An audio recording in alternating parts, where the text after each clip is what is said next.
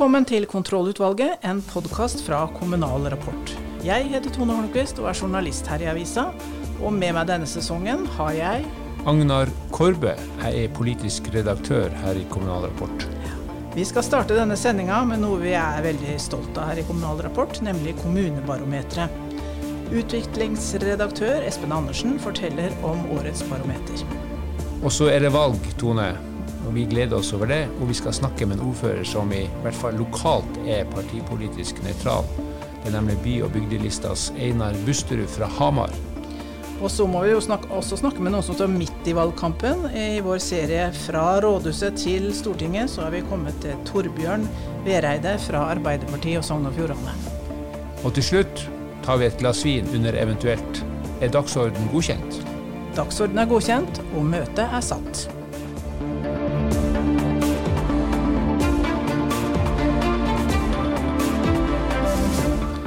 Hvert år lager Kommunal Rapports redaksjon et barometer som heter Kommunebarometeret, og der bruker vi 151 nøkkeltall fordelt på tolv sektorer. Og tallene måler da kommunenes tjenesteyting og drift, basert på tall de selv har sendt inn. Og Vi liker jo å kalle dette for Norges mest omfattende sjekk av Kommune-Norge. Og i år så gikk altså Kongsberg av med en knepen eh, seier. Utviklingsredaktør Espen Andersen, du er med oss på telefon, litt forkjøla, men eh, klar til å si litt om årets barometer. Espen, det har vært mye jobbing med dette. her. Men hva har vært mest eh, utfordrende med barometeret for eh, dere som har vært tettest på? Det handler nok veldig mye om at marginene er såpass små at vi har måttet være ekstremt nøyaktige i forhold til de dataene vi samler inn. At det ikke, ikke blir noen unøyaktigheter som vi senere må rette opp, og som dermed endrer på hele kabalen. Det er veldig tett uh, mellom de 10-15 øverst på lista. Kan du si litt uh, Kan vi si at alle som havner der, liksom er vinnere? Ja, det tror jeg vi kan si. fordi uh, Hvis du ser på de to øverste, som er da Kongsberg og Ulstein, så må du helt ned på, på det tredje desimalet for å klare å skille dem fra hverandre. Det er altså snakk om noen promille med, i forskjell i poengsum eh, mellom de to. Hva er det her barometeret kan, eh, kan brukes til ute i kommunene?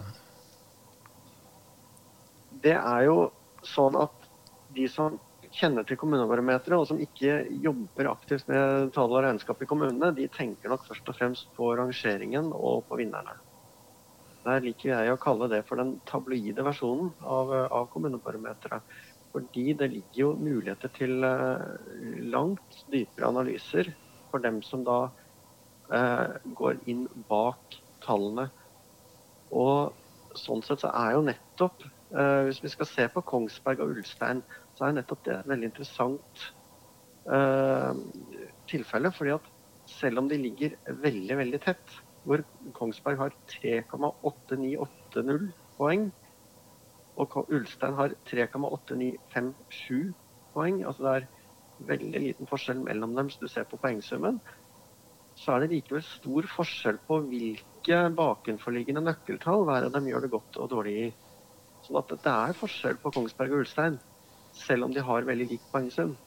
Og hvis du går inn bak rangeringen og bak kåringene våre, så vil du straks finne materiale for helt andre typer analyser og som ikke er uh, fullt så jeg tillater, tillater meg å si lettbeinte, da, som, som det, den, den, kåringen tross alt er. For Det som ligger inni her barometeret, det er viktig styringsinformasjon både for administrasjonen og for de folkevalgte? Absolutt. Eh, det er jo basert på, i høy grad på KOSTRA-tallene. og Det er jo data som er samlet inn eh, nettopp med tanke på slike formål. Men det vi har gjort, er jo å sammenstille det og gjort det mye mer tilgjengelig for sammenligninger.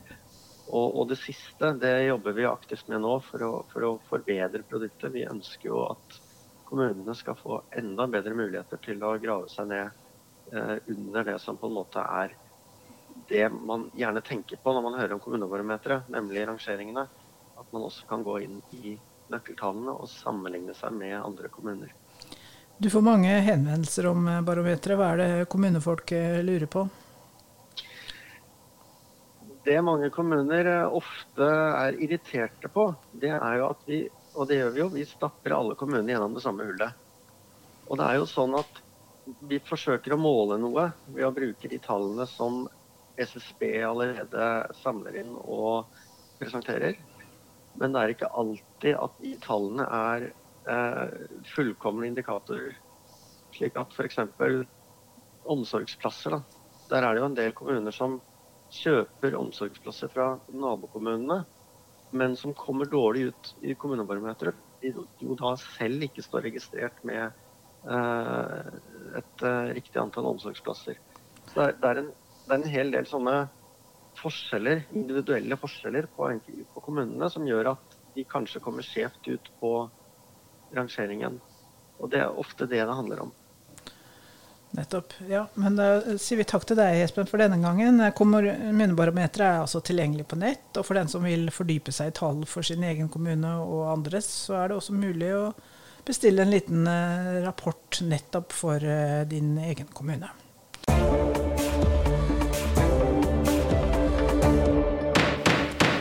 Det er eh, valgkampinnspurt, og lokalpolitikerne heier jo på sine rikspartier, så da tenkte vi at vi kanskje skulle kontakte by- og bygdelisteordfører Einar Busterud på Hamar, og at han kunne hjelpe oss med en slags uh, nøytral kommentar her. Uh, Busterud er altså ordfører på Hamar, har en ungdomshistorie som raddis, men har representert by og bygd på Hamar i snart fem perioder. Stemmer ikke det, Busterud? Ja, det stemmer. Litt for lenge, vil sikkert mange mene.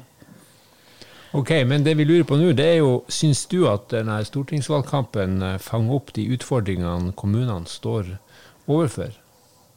Nei, jeg syns ikke det. Eh, jeg er glad miljøet er løfta såpass mye i kommunevalgkampen. Men jeg syns jo eh, det er lite fokus på kommunene, det er lite kunnskap om kommunene, og det er mye lovnader på vegne av kommunene. Eh, ja, det er nettopp det jeg skulle spørre deg om. Lover, lover de for mye på vegne av kommunene? Er det noe du spesielt du har hørt som du syns uh, tenker at dette kan de ikke love på vegne av oss? Ja, Det er jo stadig mer uh, Altså, det er jo De lover jo bort folk som ikke fins. Uh, F.eks. på helseområdet så er det jo senest i går en artikkel i medier om at fire av ti må begynne i helsevesenet hvis du skal innfri lovnader som er valgt. og det eller som er satt fram, og det er jo ingen som mener at det er mulig. Du har ikke vært frista til å gå inn i rikspolitikken sjøl for å ordne opp i det her? Nei, du, jeg har fått tilbud flere ganger, og jeg må bare si at jeg er opptatt av å drive med politisk virksomhet som jeg ser resultater av.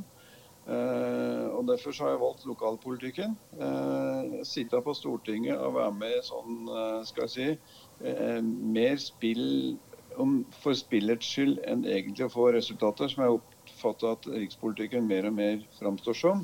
Det tiltaler meg ikke, rett og slett. Og det er jo ganske mange lokalt som heller ikke blir tiltalt av. Ok, men nå skal dere jo sende noen stykker til Stortinget fra Hedmarken. Hva slags råd vil du gi til dem? Nei, Det første er jo å sette seg inn i hva en kommune er for noe å drive med. Det er jo stadig flere eh, politikere som aldri har vært ute i yrkeslivet, eh, og som går rett fra studier og liksom line opp karriere. Så å skjønne hva en kommune driver med ansvar for, det er nå én ting. Det andre er å slutte å, å da detaljstyre løsninger på eh, områder hvor du har liten innsikt eh, og liten forutsetninger og liten praktisk erfaring for å kunne rett og slett lage gode løsninger. Da. Ok. Til slutt, vi får jo kanskje en ny kommunalminister fra et eller annet parti, vi vet ikke helt. Men uh, hva blir den viktigste saken denne nye statsråden for kommuner og fylkeskommuner må ta tak i, sånn som du ser det? Nei, det, det, er to ting. Det ene er at jeg ser jo at staten nå frasier seg ansvar på områder etter område. Det gjelder psykiatrireform, det gjelder rus, det gjelder barnevern. Eh, og det virker som de ser eh, kommunesektoren som en slags utømmelig kilde til å løse eh, områder staten kommer til kort. Eh, så det hele å se på hele måte, arbeidsdelinga mellom statlig og kommunal virksomhet, og hvordan da ressurser fordeles, det tror jeg er én sak. Og så er det den langsiktige saken som ingen tar over seg, og det heter jo demografi. Eh, det begynner jo, ikke minst i Innlandet, å bli såpass tynt med yngre innbyggere at det er jo bare et tidsspørsmål før de kommunene eh, en del plasser greier å drive seg sjøl. Eh, så den demografiske utfordringen, særlig for utkantkommunene, den, den er nødt til å bli satt på dagsorden før det smeller.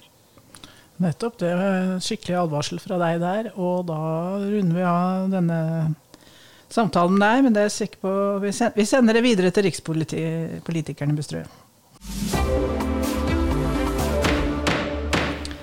Da skal vi til vår faste post, som er fra rådhuset til Stortinget, eller kanskje fra fylkeshuset til Stortinget denne gangen. Vi skal snakke med Torbjørn Væreide fra Arbeiderpartiet og Vestland fylkesting. Velkommen til deg, Torbjørn. Hjertelig takk. Du, hvorfor vil du forlate fylkespolitikken for å bli nasjonal politiker? Jeg tror at en del av den lærdommen jeg har fått i fylkespolitikken, næringsutvikling, skole eh, og alt det andre, det tror jeg at vi kan få god nytte av på Stortinget. Så syns jeg det virker veldig spennende å få lov til å jobbe med nasjonalpolitikken. Så jeg, jeg er veldig motivert for å fære, gjøre en jobb på Stortinget. Hva er den viktigste valgkampsaken i ditt fylke?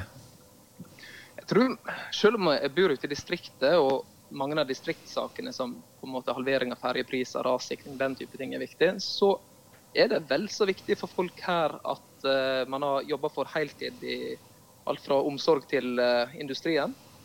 Det er mange som gir tilbakemeldinger på det.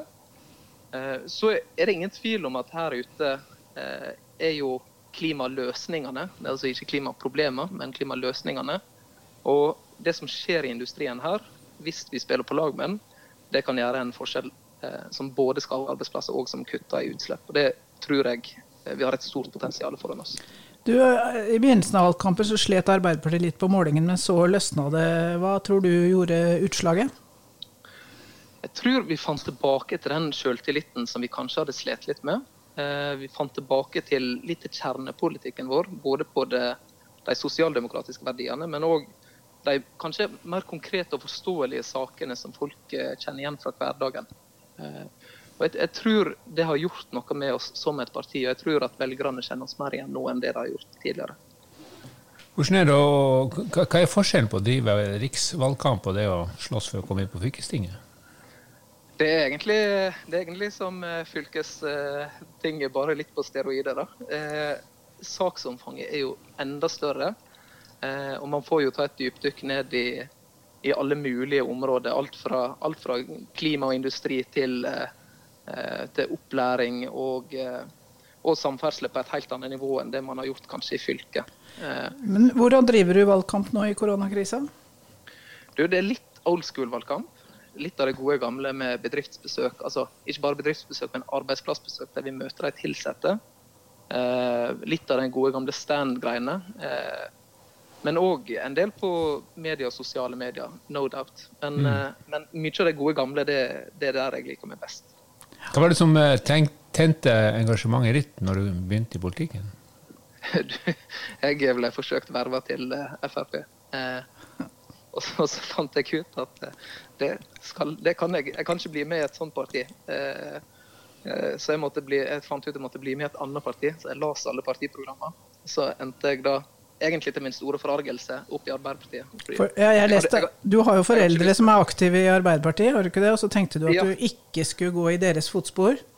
Helt riktig. helt riktig. Ja. Jeg, jeg, var overbevist om at det skulle ikke bli Frp, og det skulle heller ikke bli Arbeiderpartiet. Men så fant jeg ut at eh, det er kanskje Arbeiderpartiet sitt verdisyn jeg hører hjemme. Har du noe, har du noe spesielt eh, politisk forbilde? Åh, egentlig Altså litt eh, bitte litt i utrolig mange personer. Men, men, det er ikke sånn at jeg tenker at det er, en, det er, den politikeren jeg har lyst til å bli. Jeg tenker mer at eh, Det blir litt som å, når man drar i små og tull, at man tenker at den kvaliteten som den personen har her, det har jeg lyst til å lære litt av. Og så er det en helt annen kvalitet en annen person har. Eh, så heller det enn å tenke at det er en person som er den store på en måte, det store guruen og forbildet. Det, det, du må gjøre, du må bli den beste utgaven av deg sjøl. Det er det de sier, disse livsstilscoachene. Ja, Og, og lære å leve med de dårlige sidene av meg sjøl òg, ikke minst. Hva, hva er den viktigste reformen en ny regjering må gjennomføre i neste periode? Det var egentlig et altfor godt spørsmål eh, til å svare på tampen. Men hvis jeg skal, hvis jeg skal være litt revolver på det, er det? så tror, jeg, så tror jeg kanskje Nå kaster jeg meg bare utpå. Eh, industrireform. Og da mener jeg på den måten av at i den omstillinga som vi nå kommer til å stå foran, eh, med behov for klimaomstilling, så trenger vi en industrireform som gir den industrien vi har, og den nye industrien som er på eh, dørterskelen vår, mulighet til å klare den omstillinga og sikre arbeidsplass på samme tid. Og Det er ikke en given, men jeg tror at med rett offensiv politikk så kan vi klare det.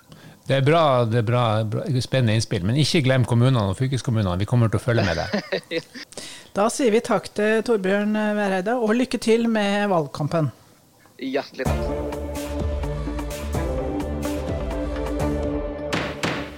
Da har vi kommet til eventuelt, og du vil snakke om vin og politikk, Tone. Hvorfor det?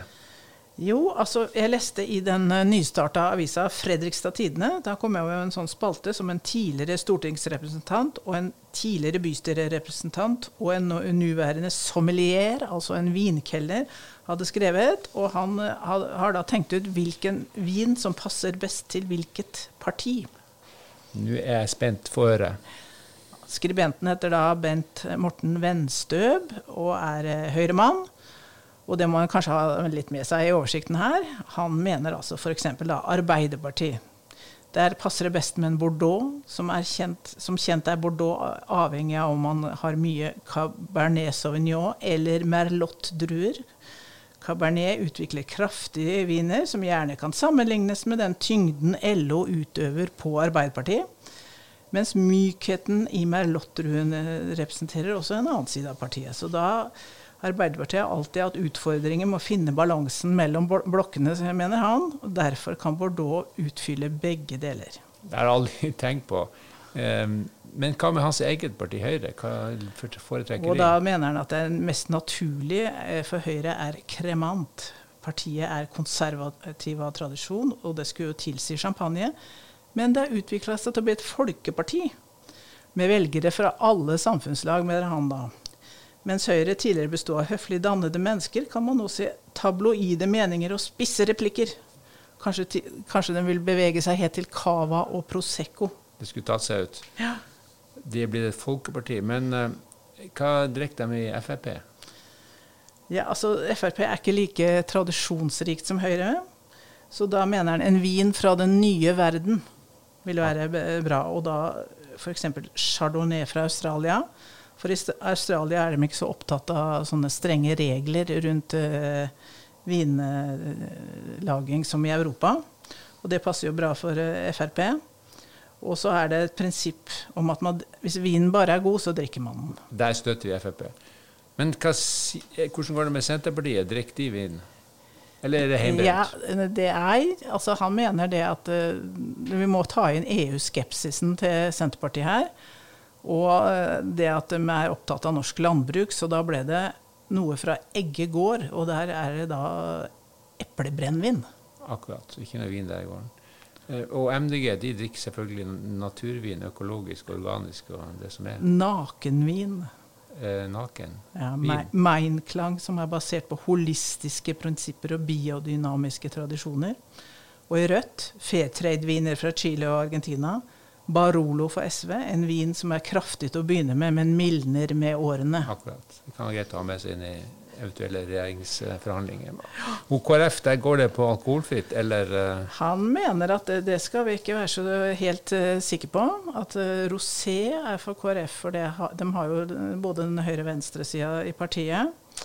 Og han sier, altså han har jo vært med disse KrF-erne på noen utenlandsturer, så han sier du skal ikke la deg lure til å tro at KrF bare drikker alkoholfritt. Sannheten er nok den at alkoholholdige rosé velges når man er på utenlandsopphold for partiet. Akkurat. En liten avsløring.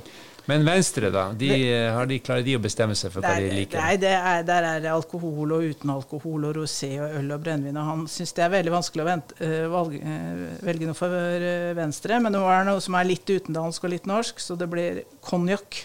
Bakke Gabrielsen. Akkurat. Men kan det gå andre veien hvis man ikke vet hva man skal stemme? At man først uh, velger vin? Eller velger vin først, ja, og så se hvilket parti det passer til. En vinvalgomat, det, kanskje vi skal satse på det? Ja, det hadde vært noe. Men hva da med dem som foretrekker øl? Ja, øl det er jo noe vi må jobbe litt for å få fram. Det er jo hjemmedyrka. alle, alle kommuner med respekt for seg sjøl har vel et ølbryggeri snart? Ja, vi begynner snart å få det. Så en ølvalgomat må også utvikles da. Ja. Ok. Vi sier det sånn, og så hever vi møtet og er tilbake igjen neste uke. Dette er en podkast fra Kommunal Rapport. Programledere var Tone Holmquist og Agnar Korbe.